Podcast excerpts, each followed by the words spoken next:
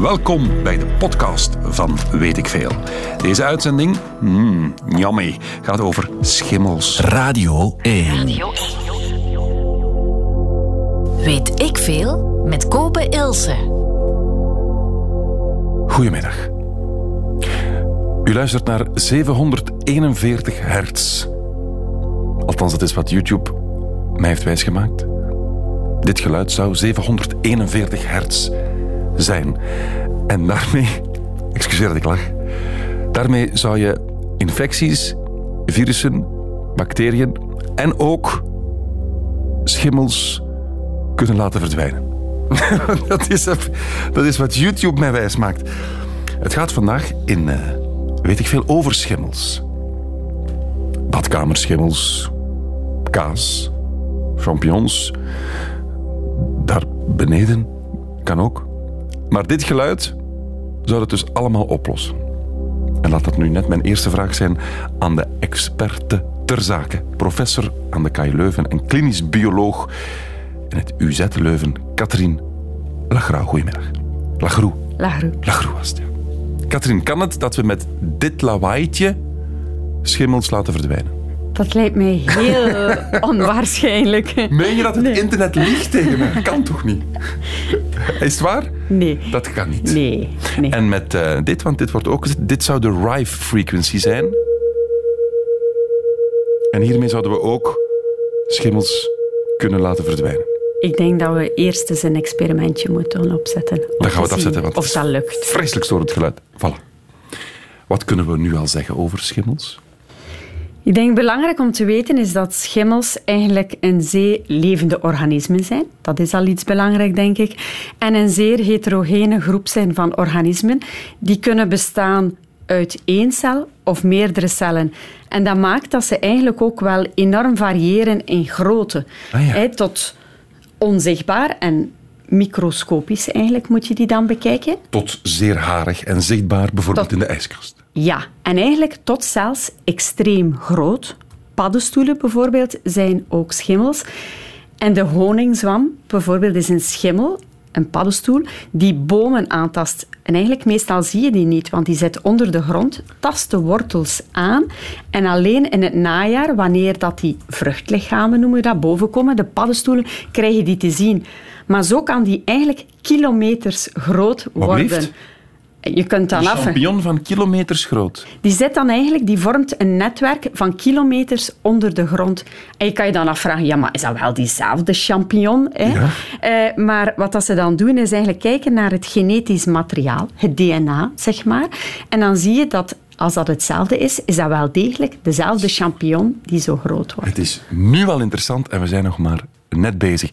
Bent u aan het eten, dan is het misschien een beetje raar, want schimmels ze zitten toch een beetje in het vieshoekje.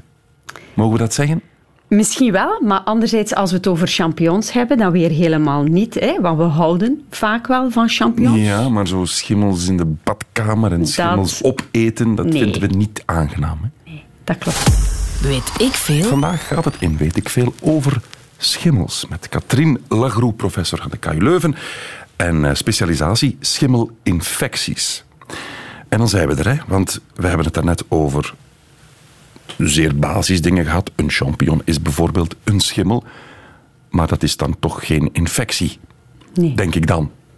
Wat is daar dan het verschil tussen? Een infectie is eigenlijk de ziekte die veroorzaakt wordt door een schimmel. Ja? Ehm, en verschillende soorten schimmels kunnen onder bepaalde omstandigheden aanleiding geven tot infecties. We hebben de eencellige schimmels, de gisten, die kunnen infecties veroorzaken. Wacht, gist als in brood? Gist als in brood, inderdaad.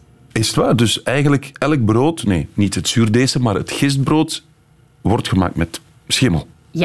Daar wordt het gemaakt met schimmel. Eigenlijk omdat die schimmel eh, suikers gaat omzetten tot koolzuurgas en alcohol. Die alcohol, daar zijn we niet geïnteresseerd in. Oh, jawel. voor, be- eh, voor brood toch niet. eh. In die zin, bij het bakken gaat dat verloren. Ja. Maar bij de alcohol zullen we, zullen we nog wel komen, denk ik, bij bier en wijn.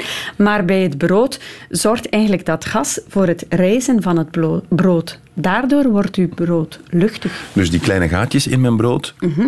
is, komt door de zuurstof dan? Of, of nee, door, Door het koolzuurgas. koolzuurgas dat, eigenlijk, CO2. dat die schimmels omzetten. Ja, Ongelooflijk. ja. En dus bier en wijn ook, dat zijn ook schimmels. Ik dacht dat Bier dat- en wijn, ja, uiteraard. Bier en wijn op zich zijn geen schimmels, maar in het productieproces van bier en wijn komen er schimmels aan te pas. Weer al gisten eigenlijk, die, het komt altijd op hetzelfde neer, suikers omzetten tot alcohol. Mag ik een domme vraag stellen? Ik dacht dat dat bacteriën waren. Nee, nee. Nee. Nee, nee, nee. Dat zijn schim- Wat, wat is het verschil tussen een bacterie en een schimmel dan? Want dat wordt misschien ook wel eens op één hoop gegooid. Hè? Ja, eigenlijk zijn dat cellen die op een heel andere manier zijn opgebouwd. En dat is vrij technisch. Maar bijvoorbeeld het genetisch materiaal bij een bacterie zit vrij, zweeft vrij rond in de cel. Bij eh, de schimmel zit dat in een celkern. En in dat opzicht gelijkt de schimmel eigenlijk beter op de mens. De menselijke cellen zijn eukaryotecellen, noemen we dat dan. En die schimmels zijn ook eukaryotecellen. Eukaryotecellen. Ja, Wat moet ik me daar precies bij voorstellen? dat het genetisch materiaal in een celkern ligt. En bij bacteriën is dat bij niet zo. bacteriën is dat niet zo. Kijk, we, we leren al zoveel bij. Ehm, ik lees hier. Beste Katrien. Klopt het dat er schimmels bestaan van 2400 jaar oud? Jazeker. 2400 jaar oud. Ja, Eén schimmel. in schimmel. Dus bijvoorbeeld, we hadden het daar juist over die schimmel die de bomen kan aantasten. Ja, de honingzwam. De honingzwam. Kan gigantisch groot worden. Groot worden en dus ook zeer oud. Maar daar is wat discussie over, over de oudste schimmel. Ik zag dat dat ook een tijdje geleden in het nieuws was. In ieder geval, miljoenen jaren geleden waren er al schimmels. Eh, hoe oud de schimmels zijn die we nu vinden, in ieder geval, die, die grootste schimmel zou al ruim 2000 jaar oud zijn. In Oregon, in de Verenigde Staten, zou die gevonden zijn. Een ondergronds netwerk, ongeveer 9 vierkante kilometer. Ja. Dat is dus degene die onder de grond kruipt, eh, leeft eigenlijk, wortels van bomen aantast. En dan zien we die eigenlijk maar wanneer dat de paddenstoelen in het najaar bovenkomen. Hij is onschadelijk voor de mens en zelfs eetbaar. Maar voor de bomen is hem niet goed. Dus het mopje, ooit al honingzwam gegeten? Lekker, maar veel? Dat zou kunnen. Maar zeer veel. Zeer veel. Oké. In Europa doen we het ook zo goed qua schimmels? Wel, eh, dat heb ik ook geleerd, is dat in Europa we eigenlijk ook wel een, een grote hebben. In Engadin is er één ontdekt die 500 meter op 800 meter groot zou zijn. Ook weer zo'n ondergrondse schimmel. Dat is ook al niet mis. Nee. En in Zwitserland lees ik duizend jaar oud. Ja, Eh, Dat, dat is toch bizar, want het is, zeg je, een levend wezen. ja. Ken geen levende wezens die duizend jaar of zelfs 2400 jaar oud worden. Hoe, hoe, houdt zich, hoe, hoe blijft dat in leven dan? Zij blijven eigenlijk groeien door altijd maar celdelingen te ondergaan. Ja. En zo, als, zolang dat de levensomstandigheden goed zijn, de goede omstandigheden, voedingsmiddelen, dan kunnen die eigenlijk blijven groeien. En er is binnen die cellen geen verouderingsproces, zoals maar bij er ons. komen altijd Continu nieuwe, cellen bij. Oké. nieuwe. Ah, ja. Waar komen schimmels zoals, zoal voor? Kunnen we zeggen over de hele wereld? Ik denk dat dat correct is. Overal zou ik zeggen. Waar vinden we veel schimmels? In de lucht bijvoorbeeld. We zien ze niet. Hè? Maar in de lucht bevinden zich de sporen van schimmels. Ah, ja. Dat zijn kleine partikeltjes die schimmels produceren. En als die dan ergens terechtkomen en de omstandigheden zijn goed, dan groeit daar een schimmel uit. Dus nu, ik adem in, daar zit schimmel tussen. Voilà, wij ademen schimmelsporen in. Dagelijks honderden sporen. Wij maken ons daar uiteraard helemaal geen zorgen over. We moeten dat ook niet doen, want we borstelen die netjes weer naar buiten. We hebben Ja. goed werkende afweermechanismen. Maar hier komen we dan al direct bij een punt dat niet iedereen heeft een goed werkend afweermechanisme. Nee. Er zijn mensen die bepaalde aandoeningen hebben of therapie krijgen, waardoor dat hun eigen immuunsysteem compleet ondermijnd worden. En dat is nu juist eigenlijk de groep aan patiënten die risico lopen voor levensbedreigende infecties door die schimmels. Dus je kan sterven aan een schimmel Absoluut. die je gewoon inademt. Absoluut. Dat is eigenlijk een complicatie. Niet zo goed gekend, denk ik, maar een zeer gevreesde complicatie bij patiënten die ernstig ziek zijn. Dus ik, ik, ik bah, een ziekte waardoor je immuniteitssysteem zeer laag is of zeer kwetsbaar is, dan kan dat gebeuren. Dan kan dat gebeuren en dan moeten we bij de behandeling van die patiënten op, goede, op onze hoede zijn. En wanneer we ziektetekenen zien, dan weten we niet zomaar dit is een schimmelinfectie. Dat kan ook een infectie zijn door een bacterie. Ja. Eh, maar we moeten daar rekening mee houden. En als we zien dat die patiënt niet geneest door antibiotica, dan moeten we op zoek gaan naar evidentie, laten we zeggen, bewijs dat er een schimmel. En kan je dan ergens in het lichaam die schimmel aantreffen zoals we die aantreffen op een pruim die te lang ligt? Of niet? Het is wat verschillend in die zin, die pruim komt in contact met de lucht en daar komt dan zo'n Haartjes. haar. Ja, dat heb je niet in je lichaam. Nee, in het lichaam heb je dat niet. Je kan dat hebben alleen op plaatsen waar dat echt dat contact is met, het, met lucht. Bijvoorbeeld in het oor. In het oorkanaal kan je zo ook een matje schimmel zien. Oh, Dus naast bacteriën kunnen ook schimmels oorontstekingen veroorzaken. Maar als we het echt hebben over de infecties in de weefsels, da- dan staat dat haar er niet op. mocht u aan tafel zitten, smakelijk eten. Het nieuwe zwembad van Eeklo is amper een half jaar open en er komen al gebreken aan het licht. Er is schimmel tussen de tegels en de vloeren zijn ook te glad. Elke dag glijden er mensen uit, voorlopig gelukkig nog zonder ijs. Dat zwembad toch. Katrien Lagro in de studio, professor KU Leuven en klinisch bioloog in het UZ Leuven met een specialisatie in schimmelinfecties. De persoon dus die ons kan inwijden in de wonderenwereld van de schimmels. Want het is wel degelijk een wonderenwereld. Wat weten we al? Ze kunnen gigantisch groot worden, honderden meter lang. Ze kunnen bijzonder oud worden, tot 2400 jaar oud in Oregon in de Verenigde Staten. We hebben verschillende soorten kleintjes, grote, zichtbare, onzichtbare, in de lucht ergens vast. Maar hoeveel soorten zijn er in totaal? Weten we dat? Of duiken er nog elke dag nieuwe op? Er duiken elke dag nieuwe op. We weten dat niet juist, maar onderzoekers schatten dat er een miljoen tot een tiental miljoen schimmels bestaan. Dat is wel een ruime marge. Dat is een ruime marge. We kennen maar een fractie en ja, je kan eigenlijk continu nieuwe schimmels leren kennen. En wat zijn zo de, de grootste categorieën binnen de schimmels? Die eencellige en meercellige, is dat de, de grote categorie? Nee, als we kijken naar ziekteverwekkers, dan zijn, eigenlijk, eh, zijn er een aantal groepen die zeer belangrijk zijn. En als we dan kijken ook in de omgeving, heb je een aantal groepen die, die zeer veel voorkomen. Maar de opsplitsing tussen één en meercellig is, laat ons zeggen, nu niet de Ah, belangrijkste. Denk ik Nee. ook omdat ze soms kunnen switchen van de ene vorm naar de andere. Zo als we denken bijvoorbeeld naar ziekteverwekkers, hebben we de Candida gist, die zeer belangrijk is. De Aspergillus eh, harige schimmel, de filamenteuze schimmel. Eh, als we kijken in de omgeving, hebben we bijvoorbeeld ook penicillium. Eh, als we dan tussen onze tenen kijken, dan zijn het de groep van de dermatofieten die belangrijk zijn. De dermatofieten. Ja.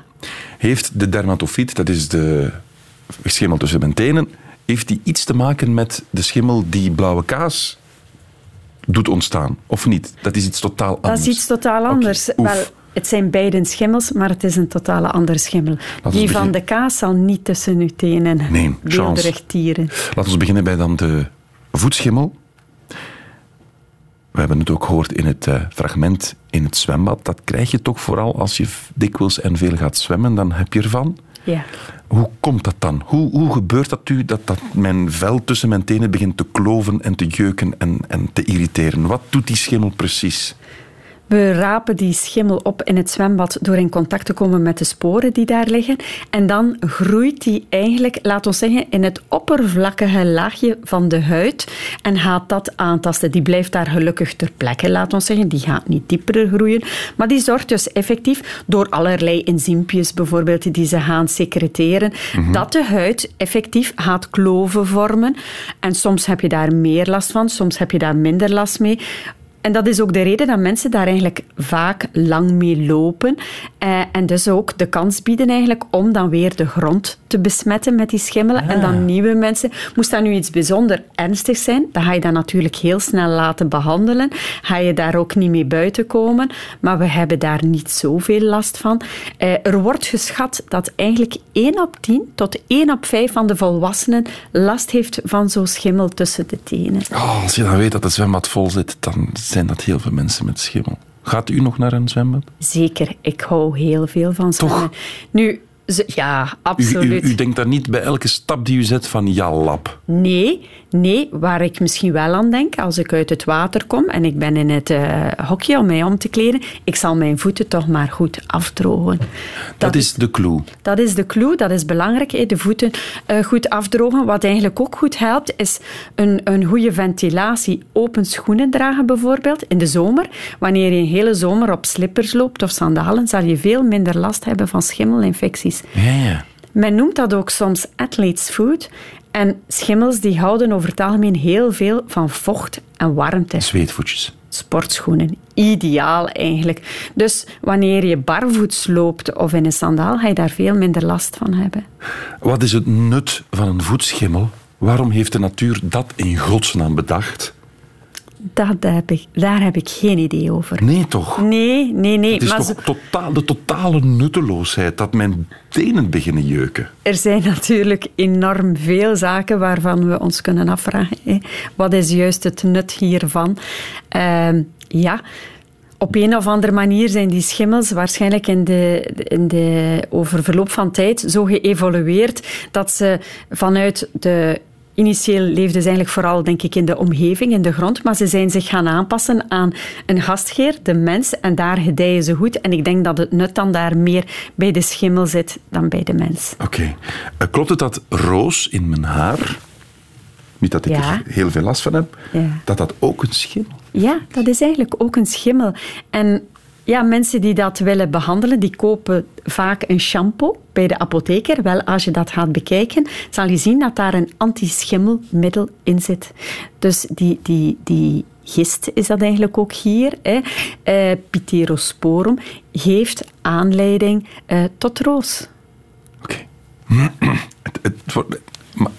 U bent daar godganserdagen mee bezig. Beseft u dat het nog altijd een beetje vies is? Of, of is dat nu puur omdat ik daar nooit over praat, over schimmels, dat ik dat een beetje vies vind? Ja, ik denk het. voor mij persoonlijk, eh, ja, dat kan je dan natuurlijk vinden misschien voor, ook voor bacteriën. Eh, of is het toch meer voor schimmels? ja, ik vind dat zo'n schimmels Het is precies het toch haar. echt, echt bovenaan de lijst staat Ja. wat, je, wat je echt niet Ja, wil. ja, ja.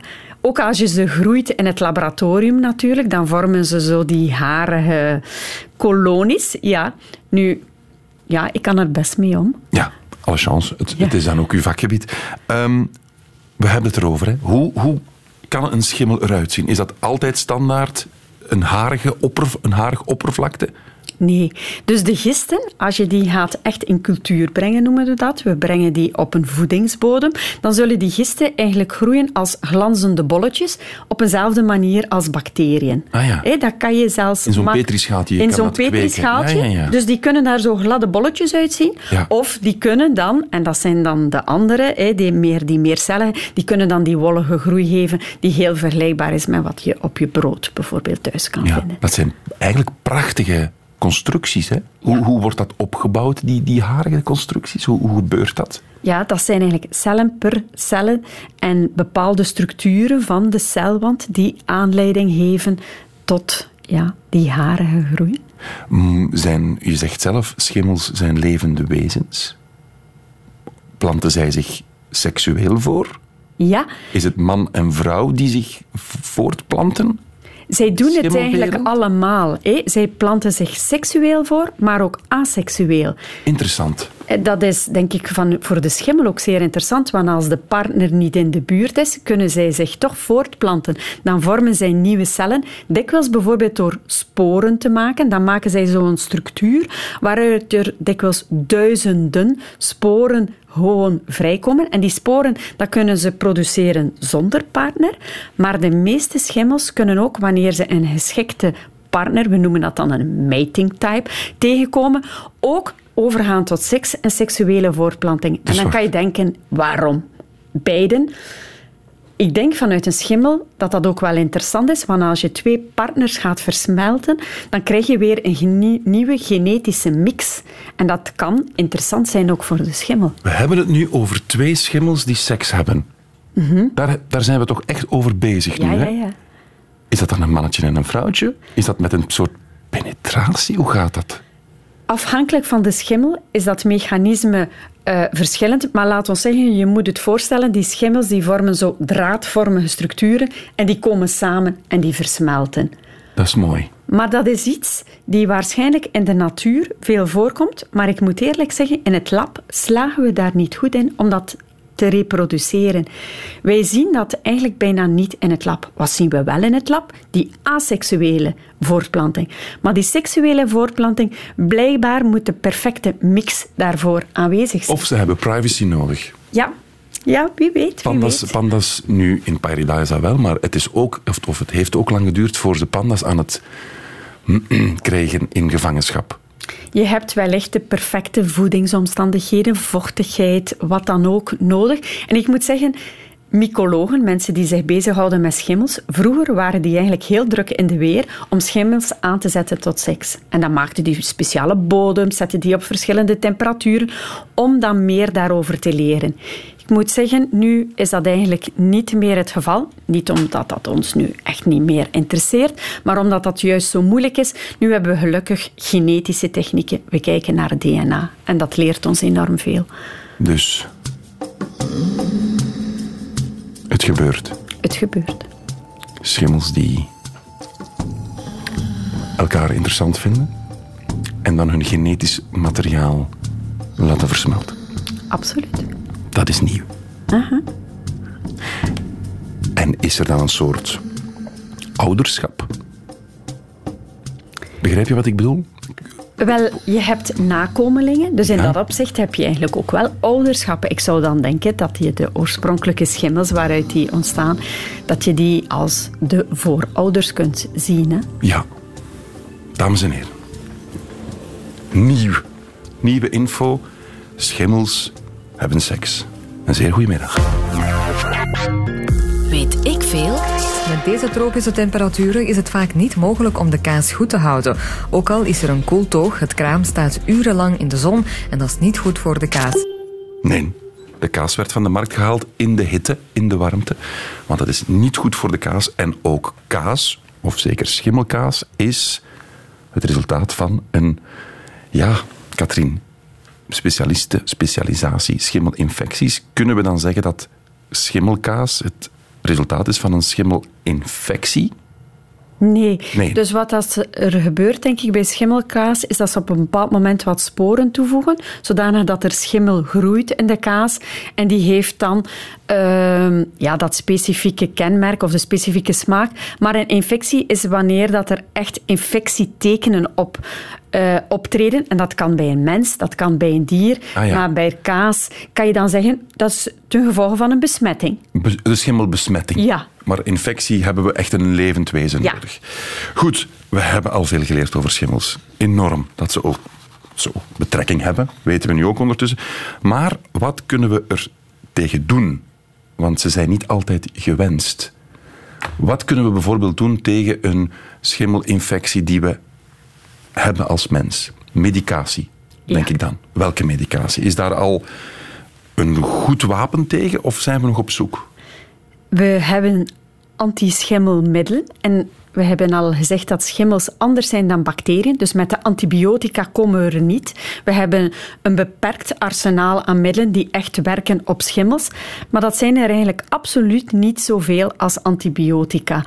En dus we zijn zeker op zoek volop naar nieuwe antischimmelmedicatie. Ja? Eh, wat we ook zien is met onze huidige medicatie, wanneer we het echt hebben over levensbedreigende infecties, is het belangrijk om er zeer vroeg bij te zijn. En de medicatie alleen kan meestal de klus niet klaren. Uh, je hebt ook wat het immuunsysteem nodig van de patiënt. En daar wringt nu juist het schoentje.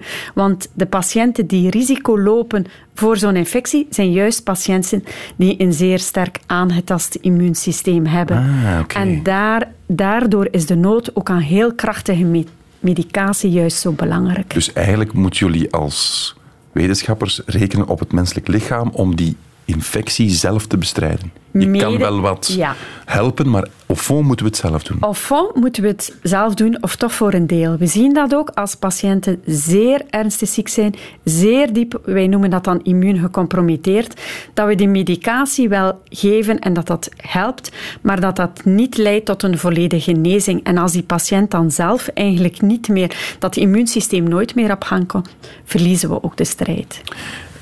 Wat is de zwaarste schimmelinfectie die je kan hebben? Je kan eraan sterven. Ja, uh, je kan eraan sterven en laat ons zeggen, we hebben daar een schatting van gemaakt. We schatten dat er jaarlijks in België zo'n 400-tal mensen uh, sterven aan een schimmelinfectie. Wel, de meeste ernstige schimmelinfecties waarmee, waarmee we te maken hebben bij patiënten zijn longinfecties die veroorzaakt worden door de aspergillus-schimmel. Een schimmel die we inademen en waar dat wij geen last van hebben.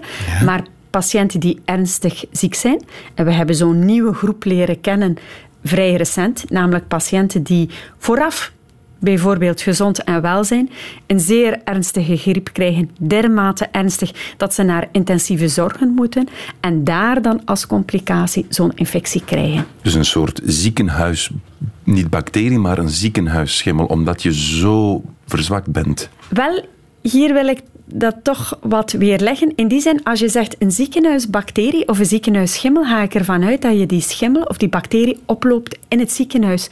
Terwijl dat, dat hier waarschijnlijk dikwijls niet het geval is. Je komt binnen met wat sporen in je luchtwegen. Ja, aangezien we continu schimmels inademen, zitten daar altijd wel wat schimmelsporen. We hebben daar normaal helemaal geen last van. Maar we worden dan dermate ziek dat die sporen de kans hebben om te ontkiemen. En dan uiteindelijk, die gaan ontkiemen in uw longblaasjes zullen dan gaan groeien door de wand van uw longblaasje, komen in dat longweefsel en dan omdat u zegt wat is de ernstigste infectie, ik denk zeer ernstig is dan wanneer die dan in de bloedsomloop komt en dan bijvoorbeeld naar allerlei andere organen gaat. De hersenen bij uitstek is bijvoorbeeld een zeer, zeer, eh, ja, laat ons zeggen, ernstige uiting, aantasting van de hersenen door schimmel. Dus die schimmel kan via de longen tot in de hersenen groeien? Ja, Schimmels kunnen eigenlijk door alles dwars doorheen groeien. Dus die kunnen groeien door dat weefsel, maar kunnen ook door bot groeien. Uh, die kunnen dus bijzonder agressief zijn. Weer al, wij zullen daar geen last van hebben, want we hebben onze afweermechanismen uh, in de luchtwegen, de trilhaartjes die ze naar buiten, maar we hebben onze immuuncellen. Maar wanneer dat, dat allemaal faalt, dan kan die schimmel gewoon ongehinderd groeien. Ik denk nu spontaan aan mensen die seropositief zijn of die echt al aids hebben. Ja, dat zijn toch grote doelwitten voor, voor schimmelinfecties ook. Want die, hun immuniteitssysteem is per definitie al zwaar verzwakt. Ja, de AIDS-patiënten zijn inderdaad een risicogroep. Gelukkig hebben we die risicogroep bijna volledig zien wegvallen, omdat we zo'n goede antivirale medicatie hebben. Maar waar hadden die patiënten dan vooral last van? Dat was eigenlijk van een schimmelinfectie van de slokdarm. En daar zag je dan, als je dat ging bekijken met zo'n scope, zo van die witte plakjes op. Dat was de candida-gist die eigenlijk heel die slokdarm gaat aantasten, waardoor dat zij pijn hebben, niet meer kunnen slikken. Uh, Afhankelijk van de soort ziekte die je hebt of de soort medicatie die je krijgt, ben je eigenlijk vatbaar voor ander type schimmelinfecties. Ah, dus die aidspatiënten gaan dikwijls tijdelijk type infecties hebben, terwijl bijvoorbeeld de leukemiepatiënt dan zeer vatbaar zal zijn voor de aspergillus en de candida-gist. Dat is dan die longgist, ja. Uh, uh, nee, schimmel. Ja. ja. Um, ik lees het. Klopt het dat een schimmel een soort eigen antibiotica aanmaakt om zichzelf te beschermen? Sommige schimmels doen, ze dat, doen dat. En dus ja, het eerste antibioticum die uh, ontdekt is, penicilline, ja, dat komt van de penicillium uh, schimmel. Dus schimmels leven in de omgeving eigenlijk samen ook met bacteriën. En het leven is continu een competitie voor de voedingsstoffen.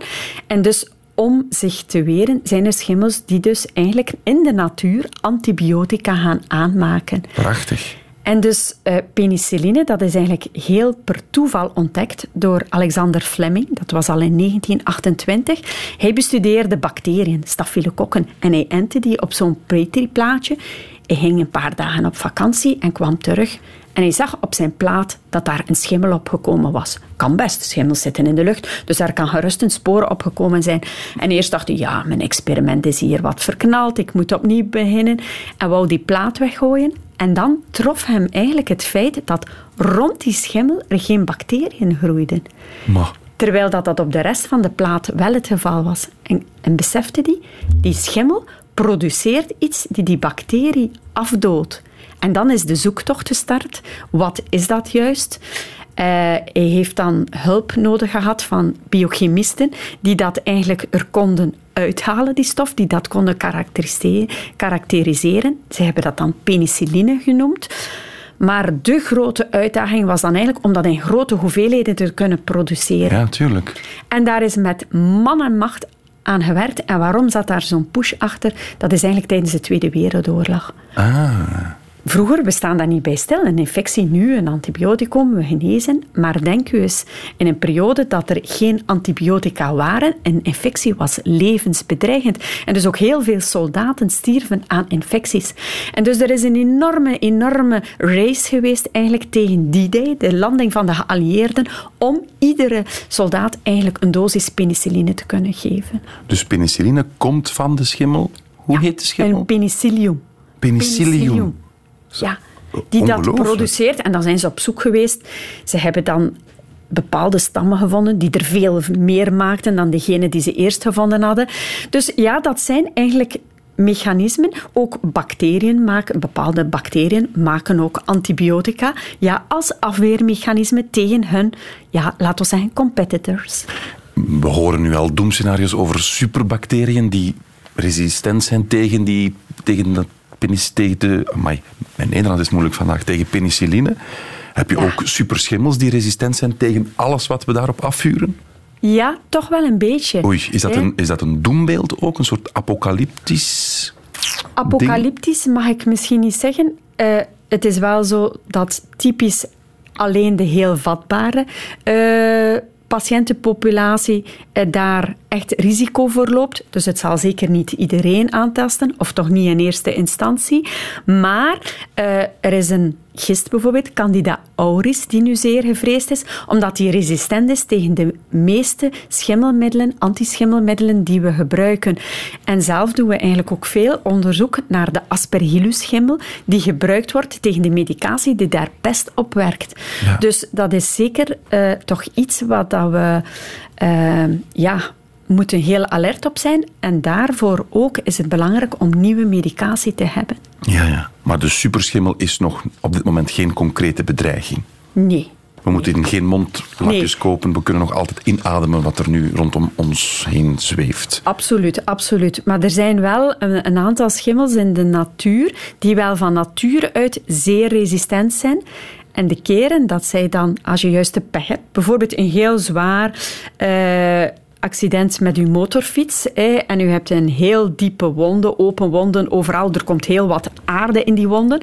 Daar zit schimmel in, hè? allerlei schimmels. Als je dan juist de pech hebt van zo'n heel resistente schimmel te hebben, ja, dan is het toch wel moeilijk. Oké. These bullet ants are showing some worrying symptoms. Spores from a parasitic fungus called cordyceps have infiltrated their bodies and their minds. Weet ik veel?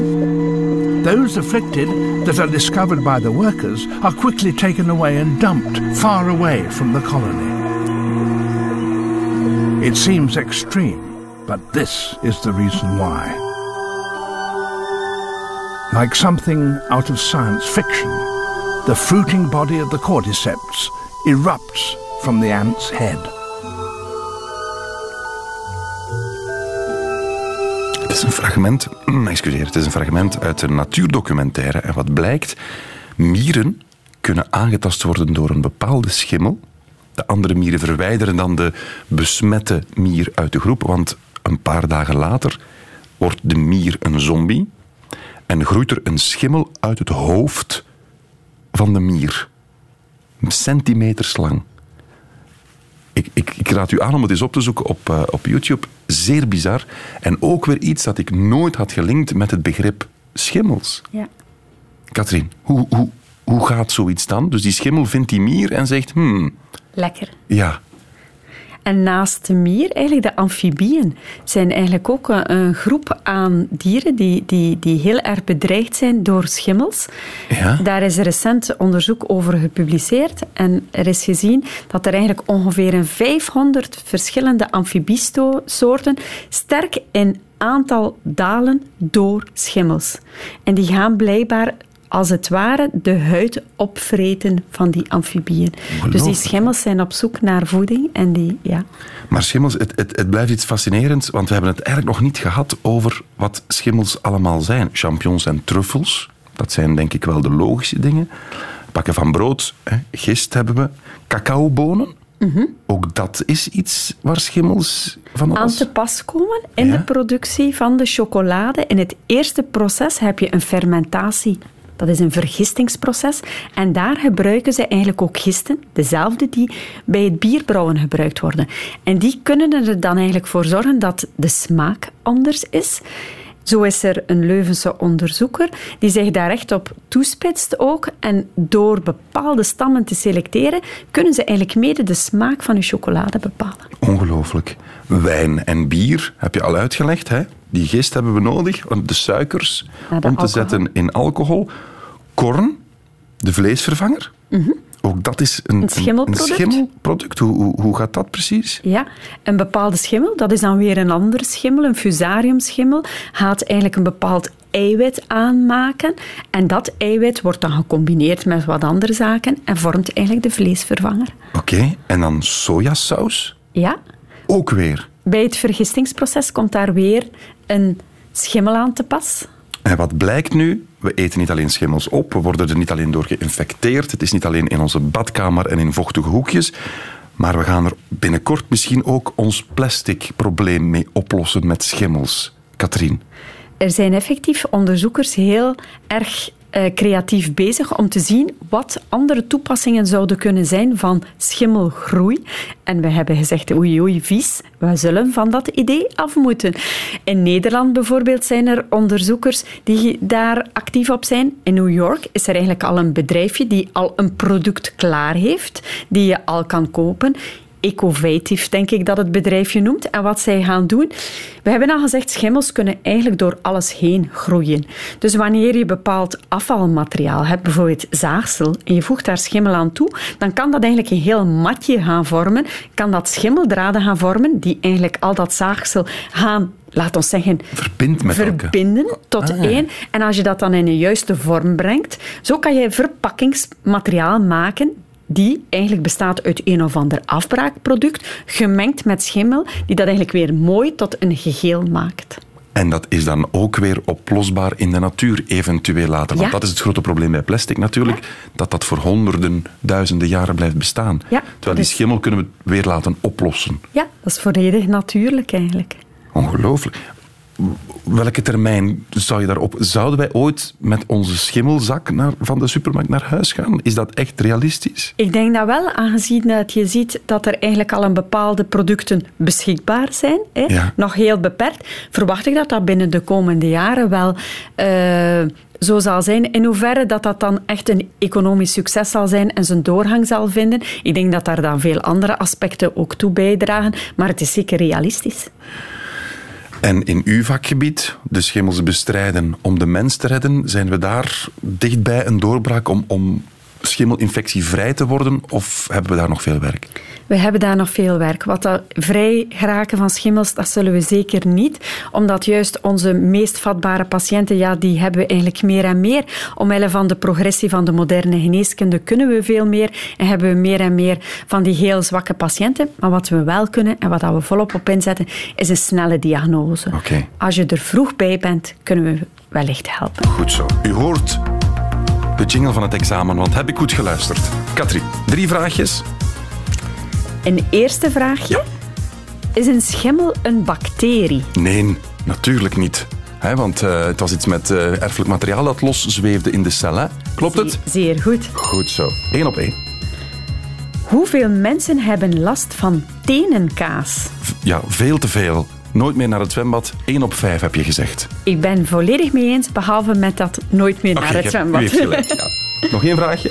Kan je sterven aan een schimmel? Jazeker. Als je het niet goed kan behandelen, dan groeit dat zelfs door, alles door, richting de hersenen. Die smerige schimmel. Klopt, hè?